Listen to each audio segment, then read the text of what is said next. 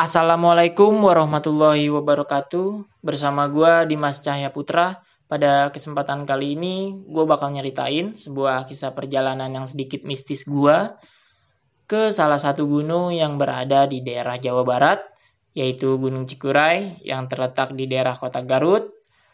Pada pendakian kali ini gue ditemenin sama temen SMP gue namanya Rehan Antul. Singkat cerita ketika kita sudah membuat kesepakatan untuk melakukan pendakian berdua diri dan pastinya dengan membagi tugasnya masing-masing. Ketika sampai hari haknya, kita pergi ke Garut menggunakan sepeda motor. Setelah sholat zuhur, makan siang, dan pamitan sama kedua orang tua kita, kita pergi ke sana start dari Jakarta jam 1 siang sampai di Garut base camp Cikurainya sekitar jam 2 pagi. Nah ini yang menurut gua horor karena apa? Ketika gua sampai di pintu masuk desa yang menghubungkan itu gunung, gua kaget sekaligus gua panik karena gua tiba-tiba di tengah-tengah kuburan coy jam 2 malam di kampungan orang dan itu gua nggak tahu di mana.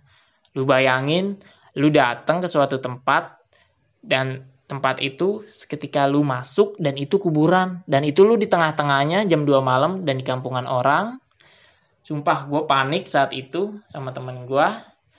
Saat itu gue menggunakan Maps. Maps mengarahkan kita untuk jalan terus. Seiring roda motor berputar dan alhamdulillahnya akhirnya gue nemu base campnya Cikuray. Meskipun itu base camp gelap banget, cuman ada satu lampu sebagai penerangan dan alhamdulillahnya ada penjaga base camp tersebut bapak-bapak sama ibu-ibu.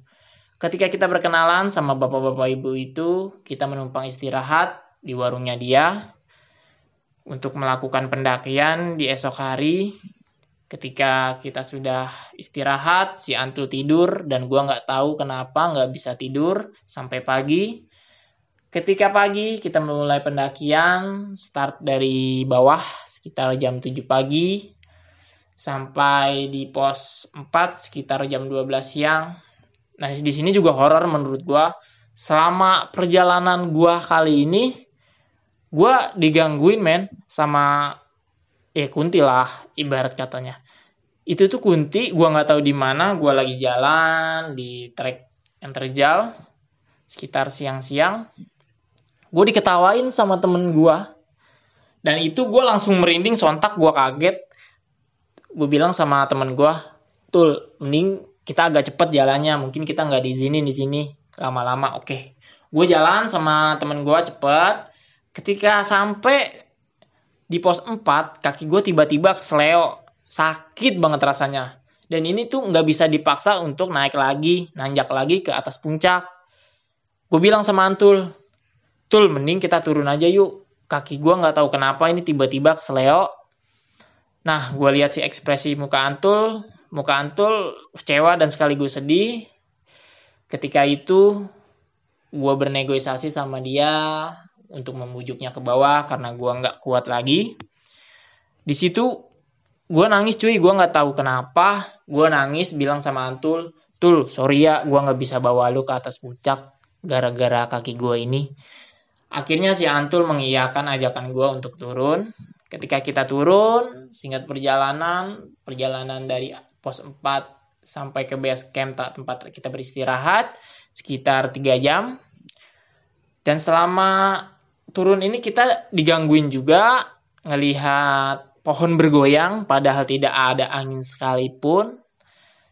Gue bismillah turun dan akhirnya kita sampai base camp dan kita bergegas istirahat untuk melakukan perjalanan pulang ke Jakarta menggunakan sepeda motor lagi. Dan alhamdulillah sekitar jam 4 sore kita keluar dari base camp. Kita menuju Jakarta sampai Jakarta sekitar jam 7 pagi. Kurang lebih 11 sampai 12 jam perjalanan dari Garut ke Jakarta pulang pergi. Dan inilah sedikit cerita dari gua yang sedikit horor menurut gua Kurang lebihnya mohon dimaafkan. Assalamualaikum warahmatullahi wabarakatuh.